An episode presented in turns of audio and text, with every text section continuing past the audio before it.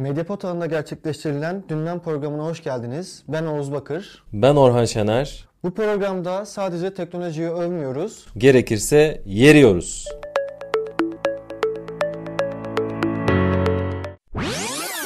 ...28.4 milyon. Bu nedir Oğuz? Bu sayı TikTok'un Türkiye'deki üye sayısı. Bu çok ciddi bir rakam. Bununla ilgili ne düşünüyorsun? Hmm, hakikaten ben de bu kadarını beklemiyordum. Geçtiğimiz sene. Bu bu arada e, VR Social'da Hootsuite'in her sene yayınladığı medya kullanım, e, sosyal medya kullanım istatistiklerini yayınlıyorlar dünyada. 2020 istatistikleri açıklandı. Geçtiğimiz sene mesela Türkiye'de en çok kullanılan sosyal mecraları TikTok yok. Bunu hep eğitimlerde falan paylaştığımızda insan TikTok nerede diyordu. TikTok buradaymış. Bir sene içerisinde demek ki bu kadar bariz bir eşiği açtı. Çünkü listede baktığımda en diplerde işte Snapchat var. 7.7 milyonmuş mesela Türkiye'de hala kullanılıyor. Snapchat kullananlar ben sınıfta soruyorum var gençler arasında hala kullanıyor. LinkedIn falan da o civarlarda. TikTok şu an bayağı yukarı bir noktaya gelmiş. 28.4 milyon dediğimiz yetişkin nüfusunun herhalde yarısından fazlasına işaret eder. Ama bir yandan da beklemiyor muyduk? Bekliyoruz aslında. Çünkü domine etti insanların internet kullanımını. Özellikle demografik olarak düşük gelir ve eğitim seviyesine sahip kitleler arasında çok yaygın. Neden böyle oldu hakkında biraz konuşmuştuk daha önce. İşte TikTok'un performans odaklı bir mecra olup Instagram'ın daha çok görünürlük odaklı bir mecra olması ya da Twitter'da sadece siyaseten angaja kitlelerin var olması, Facebook'ta işte e, ne bileyim doğum günü kutlanan, başsağlığı dilenen, doğum tebriği gönderilen böyle bir çeşit hakikaten aile iletişiminin sağlandığı daha böyle yaşlı bir mecraya dönüştü. TikTok ise dinamik. Türkiye'de bu demografi de değişecektir. Buraya para akıtıldıkça daha Instagram'dan transferler yapılacağını da düşünüyorum. Böylece daha da dinamik, daha da dışarıdan cool gözüken tabiri caizse bir mecraya da dönüşeceğini düşünüyorum ben. Şöyle bir şey soracağım. Bu arada bu hani dediğim gibi çok ciddi bir rakam ve sokakta kimle karşılaşsam ya da gazeteci çevresiyle kime sorsam şöyle bir soruyla karşılaşıyorum. TikTok ne abi? Hani amele işi gibi falan ki sen de daha öncesinde bunu söylemiştin hatta ben de Twitter'da yazmıştım. Ya hepimiz Dostoyevski okumuyoruz her gün diye senin geçen programlarda sözüm vardı. O zaman ya hani bu insanların biraz yalancı olduğunu görüyoruz. Çünkü 28 milyon dediğim gibi çok ciddi bir rakam. Söylemek mi istemiyorlar sence? Hani ee, bizim etrafımızda gerçekten kullanmıyor insanlar. Gerçekten de bilmiyorlar. Bu 28.4 milyon düşünürsen şöyle bir hesap yapalım. 12 ile 22 yaş arasındaki bütün e, genç kitlenin gelir seviyesi, eğitim seviyesi çok yüksek olmayanların toplamında zaten bu sayıya varır. O da bizim için yeterli.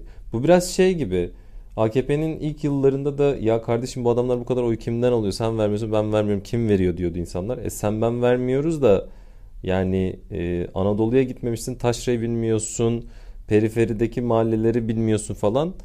E ondan sonra da kim veriyor diye şaşırıyorsun. Benzer şekilde TikTok'ta da gazeteci gazeteci eşrafını biliyor ekseriyetle. Benim kendi test çalışmamda hep sorduğum sosyal çevreniz gazetecilerden mi oluşur sorusuna %70-80 evet cevabını veriyor. Bunun biraz olduğunu çoğu da farkında aslında. Ancak bu böyle. Eğer belli mesela bir evrensel bir gün bir yere kadar cumhuriyet falan bu gibi gazetelerde gazeteciyseniz gene sahaya çok indiğiniz için ve emekçi sınıflarla da bir araya geldiğiniz için aslında onlara bir temasınız oluyor. Ama eski ana akım merkez medya dediğimiz şey işte bizim hürriyet vesaire burada gazetecilik yapıyorsanız açıkçası çok da temasınız olmuyor ki dünyada da böyle New York Times da bununla eleştiriliyor. Trump'ın gelişini nasıl göremediniz? Yani New York'tan göremezsin Trump'ın gelişini zaten. Ohio'ya falan gitmen lazım. Orta Batı'ya gitmen lazım. Bizde de benzer şekilde Anadolu'ya taşraya gitmeden bir şeyler anlamak çok mümkün değil. TikTok şu anda bu kitlelerin e, kullandığı bir mecra ama bu da şu demek değil yani buradan da kalkıp TikTok'la devrim falan yapacak değil insanlar. Eğlen, eğlencelik bir şey olarak kullanıyor. Dediğim gibi o demografi de değişecektir zaten. Biz çok görmüyoruz bu TikTok kullanıcılarını ama kullananlar Türkiye'nin nasıl bir yer olduğunu çok da iyi görebilir. Eğer dikkatli bakarlarsa. İlk 5'e baktığımızda WhatsApp 43 milyon 464 bin kullanıcı sayısı, Instagram 38 milyon, Facebook 37 milyon, TikTok dediğimiz gibi 28 milyon, Twitter 11.8 milyon. Yani aslında TikTok Twitter'ı geçmiş durumda şu anda. Ki kime sorsak da bir yandan herkes işte Twitter kullanıyor, Twitter'ı haber kaynağı kullanıyor, işte bir şey paylaşma olarak kullanılıyor ama rakamlara baktığımızda TikTok'un Twitter'ı geçtiğini görüyoruz. Bu sence biraz şaşırtıcı değil mi? Bu ilk sorum olsun. İkincisi de şu. Şimdi 43 milyon Türkiye'nin yarısı oluyor. O zaman yarısı WhatsApp kullanmıyor mu? Ki kime sorsak herkes WhatsApp kullanıyor diye geçiyor ama dediğim gibi rakamlarda Türkiye'nin yarısının WhatsApp kullanmadığını görüyoruz. Bu senin için şaşırtıcı değil mi? İlkinden başlayalım. TikTok Twitter geçti değil ikiye katlayıp üstüne bir de eklemiş yani. 10 bin katı işte 22 e, arada bir de 6 milyon 2,5 katı falan. Ya bu çok normal. Twitter kimsenin kullandığı falan filan yok. Twitter bize böyle çok yaygın kullanılıyor gibi geliyor ama gazeteciler arasında yaygın bir mecra. Twitter'ın zaten içeriğinin neredeyse %90'ını e, kullanıcıların %10'u üretiyor.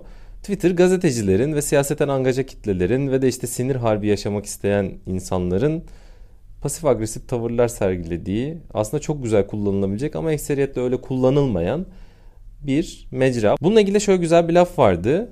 Ee, yani İngilizcesi Twitter is like New York, Instagram is like Los Angeles. Hmm, yani Twitter New York'a benzer işte Instagram ise Los Angeles'a. Neden? Çünkü New York dediğin aslında cehennemdir ama eğlencelidir. Twitter'da böyle bir yer hakikaten. Los Angeles'a cennet gibidir ama biraz tabiri caizse boktandır. Shitty heaven. Instagram'da hakikaten öyle cennet gibi ama sahte cennet. Herkes böyle kendisinin en güzel göstermek en güzel halini göstermeye çalışıyor orada. İşte devamlı mutlu yemekler, aile sohbetleri, tatiller bilmem falan. Ama tabii hakikat bu değil. İçin kan ağlarken de oraya güzel bir şey koyuyorsun. Twitter'da benzer şekilde bir aslında cehennem. Hakikaten cehennem. Sabah akşam haber paylaşılıyor. Kahır çile bilmem ne tartışma sen onu dedim bunu dedim falan. Linçler şu bu. Ama bir yandan da eğlenceli mi eğlenceli garip bir eğlenceli. Ama hakikaten gazetecinin bu Twitter şeyinden biraz uzaklaşıp sakinleşmesi lazım. Bir kere insan devamlı sinir harbi yapıyor. O sebepten e, gazetecilere daha az Twitter kullanmalarını gazeteci olmayan özellikle genç kızlarımız ama erkeklere tabii daha az Instagram kullanmalarını ve her ikisine de TikTok'a daha çok girmelerini öneriyorum. TikTok'ta en çok dinlenilen şarkılardan bir kuple size sunuyoruz. Uykular haram oldu gençliğim bahçalanda I'm your girl so fine, but her breath is like. She say she wanna. Halalına olasın. Just did a bad thing. Gidiyor gidiyor.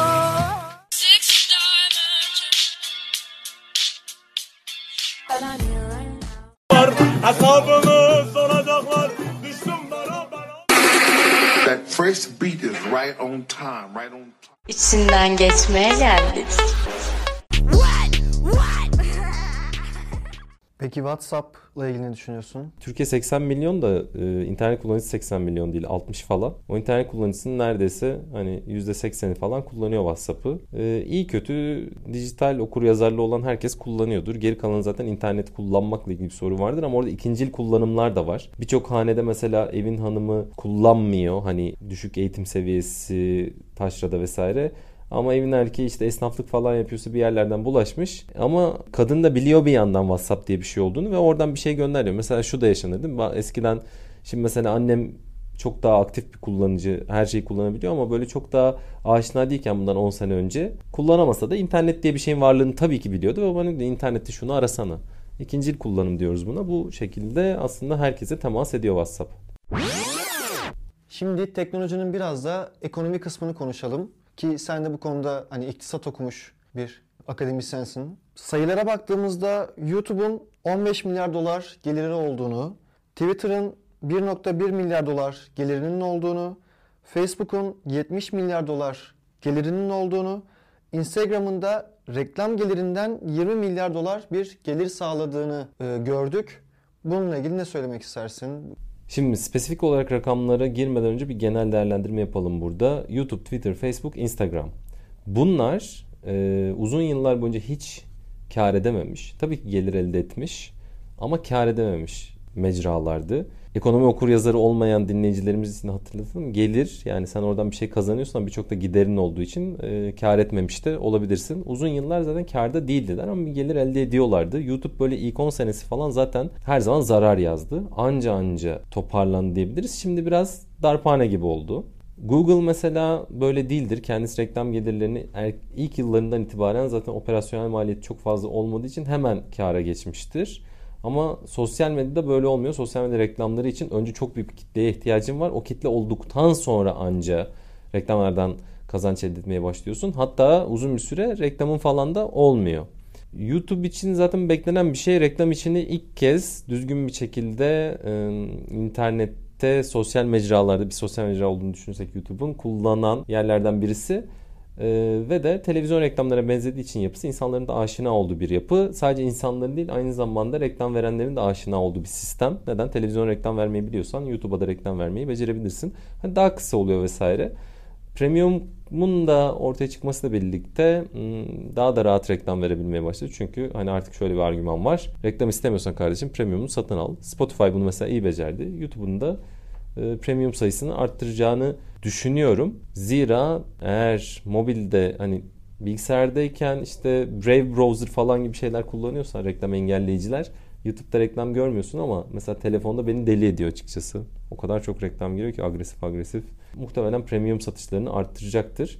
Twitter'ın gelir elde etmesi enteresan çünkü reklamları açıkçası Twitter öyle çok reklam gördüğüm bir yer değil. Hani promoted tweet dediğimiz bir şey var ama demek ki kullanılıyormuş gene de. Facebook hala gelir sağlıyor. Hem de çok ciddi bir gelir sağlıyor. Çünkü Türkiye'de biz belli bir demografiye buna hapsedilmiş olduğunu görsek de dünyada çok geniş kitlelerce kullanılıyor. Dünyanın üçte biri. Neredeyse yarısına varacak hani Facebook kullanıcısı. O yüzden o da doğal. Instagram burada en dominantı. Daha genç bir kitle. Yani eski Facebook gibi ama reklam işleri daha oturmuş. Bir de şu var. Mesela bunların çok şikayet ediyorum. Ben Instagram'da gördüğüm reklamlardan şikayetçi değilim açıkçası. Belki doğru şeylere baktığım için. Hani defter bakıyorum mesela. Bir ay boyunca bana defter reklamı gösteriyor. O bana reklam gibi bile gelmiyor. Orada bir sıkıntım yok. Facebook'a nazaran Instagram'ın açıkçası daha da doğru yönetildiğini düşünüyorum reklam açısından. Hedeflemeler daha anlamlı. Ee, burada bir de şey söylemek lazım. 2020 ABD başkanlık seçimleri bu konuda yeni bir sınav olacak. 2016'da Trump'ın özellikle işte Cambridge Analytica üzerinden manipülasyon yaptığı vesaire çok konuşulduğu karanlık reklamlar, dark e, ads dediğimiz sadece belli bir demografinin veya spesifik kişinin görebildiği ama dışarıdan görülmeyen reklamlar. Bu sene bunu e, Michael Bloomberg'in New York Belediye Başkanı eski ve milyarder değil artık adam milyarder ötesi süper milyarder bir insan çok ciddi bir para harcadığı söyleniyor Facebook reklamlarına. Bunu da iki hafta sonraki programda daha detaylı konuşalım. Bu seneye hakikaten sosyal medyanın başkanlık yarışında ne şekilde kullanıldığı çok ciddi bir gündemi olacak bu senenin. Bununla bağlantılı olarak şöyle bir şey de konuşabiliriz. Tesla tarihinde ilk kez iki çeyrek üst üste kar elde etti ve ettiği kar da 7.2 milyar dolar diye önümüze geldi rakamlar. Bununla ilgili ayrıca ne söylemek istersin? Tesla ilginç bir vaka hakikaten. Çünkü Tesla bir otomobil değil, öncelikle teknoloji şirketi. Bununla ilgili şöyle argümanlar var. Yani başta diğer otomobil firmaları Mercedes'tir, Ford'tur falan şöyle diyordu. Ya kardeşim sen daha düzgün şekilde 20 bin tane Hani senede 20 bin tane araç üretemiyorsun. Neyin araba hani otomotiv sektörünü baştan değiştireceksin falan ne alaka dendi. Bu çok geçerli değil muhtemelen bir argüman olarak. Çünkü aynısı kimin için söyleniyor? iPhone için söyleniyor. Sen bir telekomünikasyon şirketi değil teknoloji şirketi deniyordu. Ancak oradaki kaçırılan nokta şu. Telekomünikasyonda 20, 30, 40 yıllık zaten bir bilgi birikimi, know-how var. Bunu e, transfer etmekte çok güç değil. Büyük bir firmadan ilgili bir operasyon müdürü alırsın. Alt kademeleri ilgili ara müdürleri yerleştirirsin. Zaten hani know-how bir kısmı açık. Zamanla öğrenirsin. Otomotiv 100, 110, 120 yıllık bir endüstri. Yani o kadar da gizli saklısı yok. İşlerin nasıl yürütüldüğü biliniyor. Henry Ford'tan bu yana zaten üretim bandı, production assembly line denen şeyin çalışma mantığı zaten biliniyor. Bunu Adam Smith yazmıştı en başlarda. Ford bunu hayata geçirdi. İşte daha sonrasında bilimsel üretim yöntemi vesaire falan bunlarla beraber geliştirildi. Sonra Japonlar geldi işte e, in time production bilmem ne falan.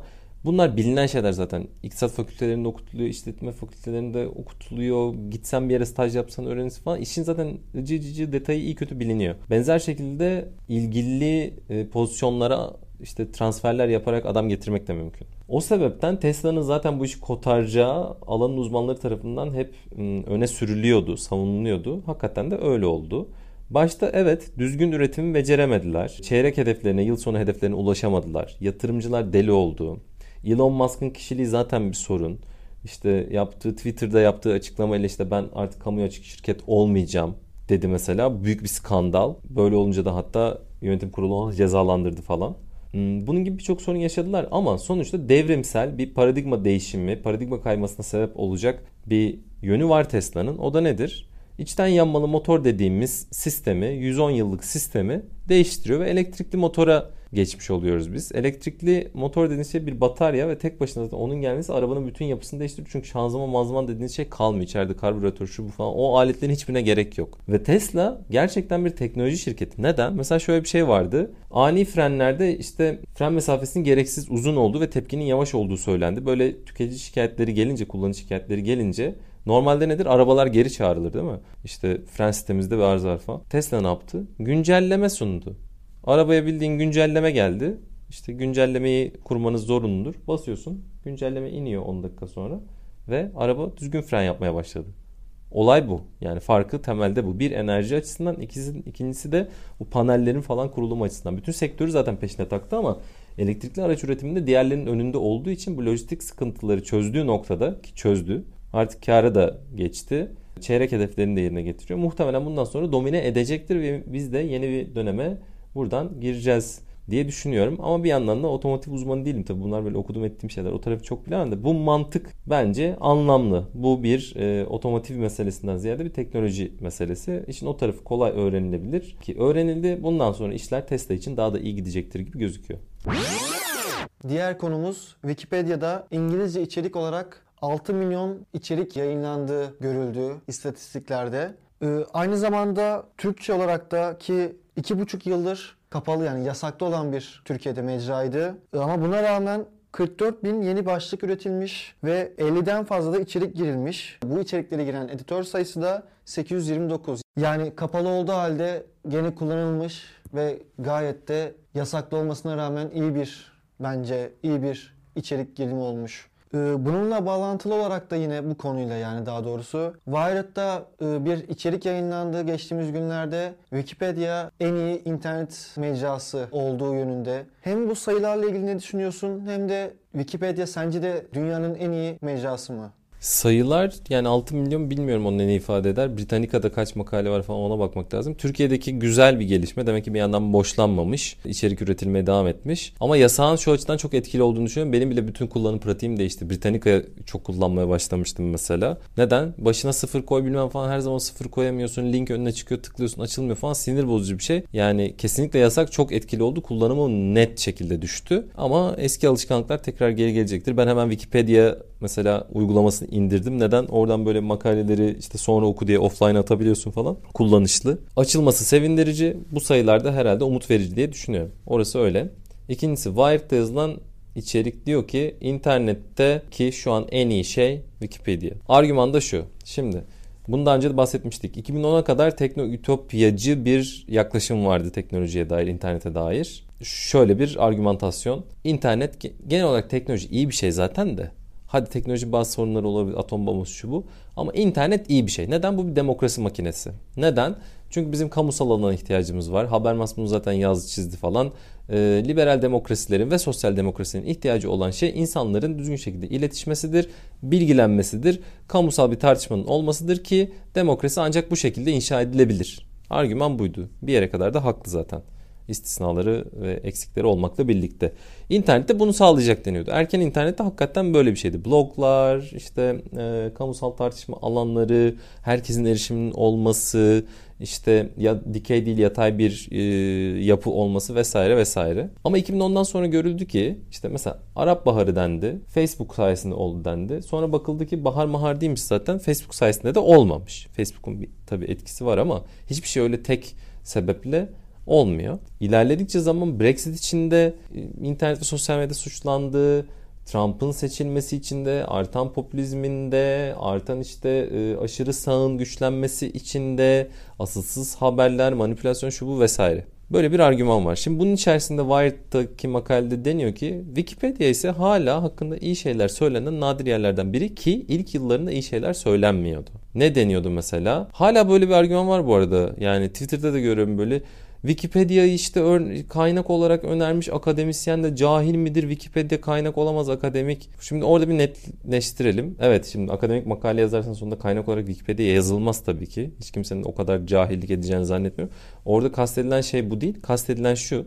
Türkçe Wikipedia'dan emin değilim. İçeriklerde ciddi sorunlar olabiliyor. Ama İngilizce Wikipedia o kadar çok editör var ve o kadar çok üzerinde uğraşılıyor ki başlangıç için bir, herhangi bir konuda başlayacaksanız bir okuma yapmaya ilk gideceğiniz yer Wikipedia olmalı. Temel bilginin hepsi orada var zaten. Meselenin sağını solunu düzgünce öğrenmek için muazzam bir kaynak. Sonrasında sen zaten git oradaki kaynaklardan veyahut da işte akademik makale veri tabanlarından falan düzgün, hakemli, yüksek puanlı, yüksek atıflı makalelere gidersin. Onlara bakarsın. işin aslını astarını detayıyla öğrenirsin. Atıfını da oraya verirsin. O başka bir şey. Ama ortalama bir insan, ortalama bir kullanıcı için Wikipedia kesinlikle güvenilir bir kaynaktır. Bunda da bir sıkıntı yok. Burası bir. İkincisi bu zaten ispatlandı. Bununla ilgili Nature'da yayınlanmış bir makale de var. Orada da deniyor ki işte e, bundan yaklaşık 8-10 sene önce yapılmıştı bu. Ki şu anda çok daha iyidir eminim. Britannica'da bakıyorlar. Doğa bilimleri makalelerine. Bir de Wikipedia'da bakıyorlar. Mukayese edildiğinde ortalama bir Britannica makalesinde 3 hata, maddi hata varken Wikipedia'da da 4 olduğu görülüyor. Ki edit sayısı arttıkça bunun daha da azaldığı görülmüş. Britannica sonra bunun için çok eleştirdi bunu böyle araştırma olmayan falan ama Nature'da yayınlanmış makale kardeşim hakemli makemli falan metotlarını savundular. Muhtemelen de doğru hakikaten. Ha Britannica bu arada çok iyidir. Yani onu da tavsiye ederim. Online versiyonu tabi. Ama doğa bilimleri dışında böyle genel geçer bilinen çok spesifik olmayan şeylerde de derli toplu. Biraz böyle m, politik olarak tartışmalı meselelerde sorun olabiliyor ama bir yere kadar. Yani her okuduğunuzda zaten bu da Allah kelamı değil biat etmenize gerek yok. Biraz da sorgularsınız ama iyi kötü verdiği sayılar şu bu tarihsel gelişim, kronoloji, olayların akışı falan iyidir. Wikipedia'da çok iyi bir kaynaktır. Wired'daki argüman da şu. inanılmaz bir şey diyor. Yani hakikaten düşündüğünüz zaman insanların birlikte komünal olarak yaptığı, herkesin katkıda bulunduğu ve hiyerarşinin dikey değil de yatay olduğu bir yapı hakikaten bir tek burada çalışıyor. Ki Jimmy Wales Wikipedia'nın kurucusu kendisi zaten bunu böyle tarif eder. Bu bu arada bizim Tirşe Hoca ile Bahçeli Üniversitesi'nin Tirşe Hoca ile yazdığımız bir makalede de geçiyor. Hayek diye bir düşünür vardır bilmeyenler hani baksın. Böyle çok liberal falan bir insan. Margaret Thatcher'ın böyle Britanya parlamentosunda eline Hayek'in köleliğe giden yol kitabını eline alıp böyle masaya vurmuşluğu var. Bu bizim İncil'imizdir diye. O kadar yani liberalliğin liberali bir adam ama Adamın şöyle bir argümanı var. Bu zaten genel bir argüman. Fikirler pazarı, marketplace of ideas denen şeyle biraz alakalı. Herkes görüşünü, kanaatini ortaya sunsun ki bunların anlamlı şekilde çarpışmasıyla birlikte kötüler elenir, iyiler kalır. Böylece en iyi fikirler insanların erişimine açılmış olur. İnsanlar en iyi fikirlerden beslenir. Wikipedia'da biraz böyle bir yer. Kötü olabilir mi entry en başta, bir başlık en başta ama zamanla editlene, editlene, editlene iyi bir yere gidiyor. Bu böyle bir sistemin çalışabildiğinin ispatı olması bakımından internetin geleceğine dair bize çalışan bir model sunuyor. O sebepten Wikipedia önemli. Yani son bir o zaman öneri olarak da insanlara Wikipedia'yı küçümsemeyin ve düzenli olarak Wikipedia'nın özellikle İngilizce versiyonunun düzenli olarak okunması gerektiğini düşünüyorum insanlara da öneriyorum. Ya bu arada e, bir şey daha sorayım. Çok kısa bir şey soracağım bununla ilgili. Benim için çok trajikomik oluyor. Hatta ben yaparken bunu gülüyorum. Büyük ihtimalle dinleyicilerimizden de vardır böyle yapan. Senin için de böyle mi diye. Ben bazen hala Wikipedia mesela VPN ile giriyorum. Çünkü şeye alışamadım. Ya kaç gün oldu çok hatırlamıyorum ama e, bayağı VPN'i açıp öyle Wikipedia'ya giriyorum. Hala direkt hani www.com haliyle mesela onu unutmuşum ben. Bu önemli bir şey hakikaten. Ne kadar sansürün aslında işe yaradığını da gösteriyor. Bu kadar hani e, dijital becerileri yüksek birisisin ama gene de bunu böyle yapıyorsun. Bende de var bu. Geçen gün Twitter'da birkaç kişide de gördüm kim olduğunu hatırlamıyorum ama hala sıfırlı girenler, VPN'le girenler falan. Bu o kadar kolay şekilde açılacak bir şey değil. Alışkanlıklar çok belirleyici. Aktif olarak herkesi Wikipedia'ya girmeye davet ediyoruz o zaman. Son olarak dinleyicilere bir tavsiyemiz olacak bu bölümde. Ben bir film önereceğim. Daha doğrusu iki film önereceğim ama birbiriyle bağlantılı iki film. Biri The Post, öbürü de Başkanın Tüm Adamları. Ee, aslında The Post e, Başkanın Tüm Adamlarından sonra yayınlanan bir film. Başkanın Tüm Adamları 1976 yılında yayınlanan, The Post da 2017'de yayınlanan bir film. Neden e, önce söyledim hemen kısaca özetleyeyim. Başkanın Tüm Adamlarında Watergate skandalının haberinin yapım aşamasından sonrası anlatılır. E, ama işte yaklaşık bir 40 yıl sonra da The Post'ta da bu haberin yayınlanmadan önceki halini anlatır. O yüzden hani eğer hala izlemeyen varsa önce The Post'u sonra Başkanın Tüm Adamlarını izlemelerini tavsiye ederim. Çünkü bağlantıyı biraz sağlamak için. Ee, senin önerin nedir? Benim önerim kısa ve net olacak. Arkadaşlar bizi nereden şu an dinliyorsunuz bilmiyorum ama dinleyiciler size sesleniyorum. YouTube'dan dinliyorsanız Allah rızası için YouTube'dan podcast dinlenmez. Spotify'dan dinliyorsanız bütün dünyada böyle bir e, akım var ama şimdi şunu sormak istiyorum arkadaşlar. Yani yukarıda Benfero var aşağıda da Dündem var. Bunlar size alakalı ge- geliyor mu yani alakalı şeyler mi? Şarkı başka şey, müzik başka şey, podcast başka şey. Biladerim için, biladerim, zencilerim için, zencilerim için, kardeşler için. Podcast podcast app'inden dinlenir. Bir podcast uygulaması önereyim. Pocket Casts. Pocket Cast ücretliydi. Artık ücretsiz. Çok büyük avantajları var. Nedir? Trim Silence diye bir özelliği var. Mesela ı, ı yapıyoruz ya çok fazla. Bunların hepsini kesiyor. Onun dışında hızını işte sıfırdan 2'ye kadar ne bileyim ben mesela hızlı konuşuyor gibi geliyorsam 0.8 yapabilirsiniz.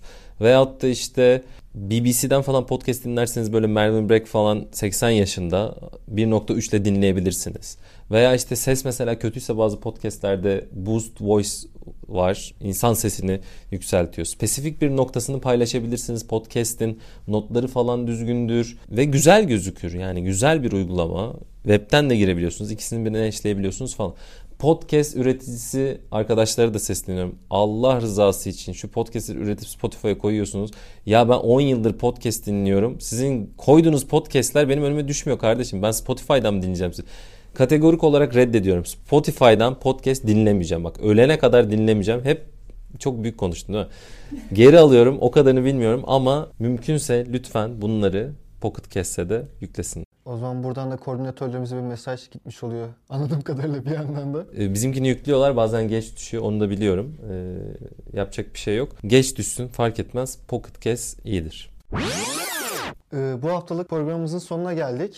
Diğer programda görüşmek üzere. Görüşmek üzere.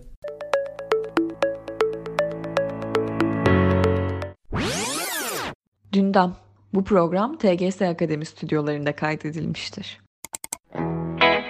Medyapod'un podcastlerine Spotify, Google Podcast, iTunes ve Spreaker üzerinden ulaşabilirsiniz.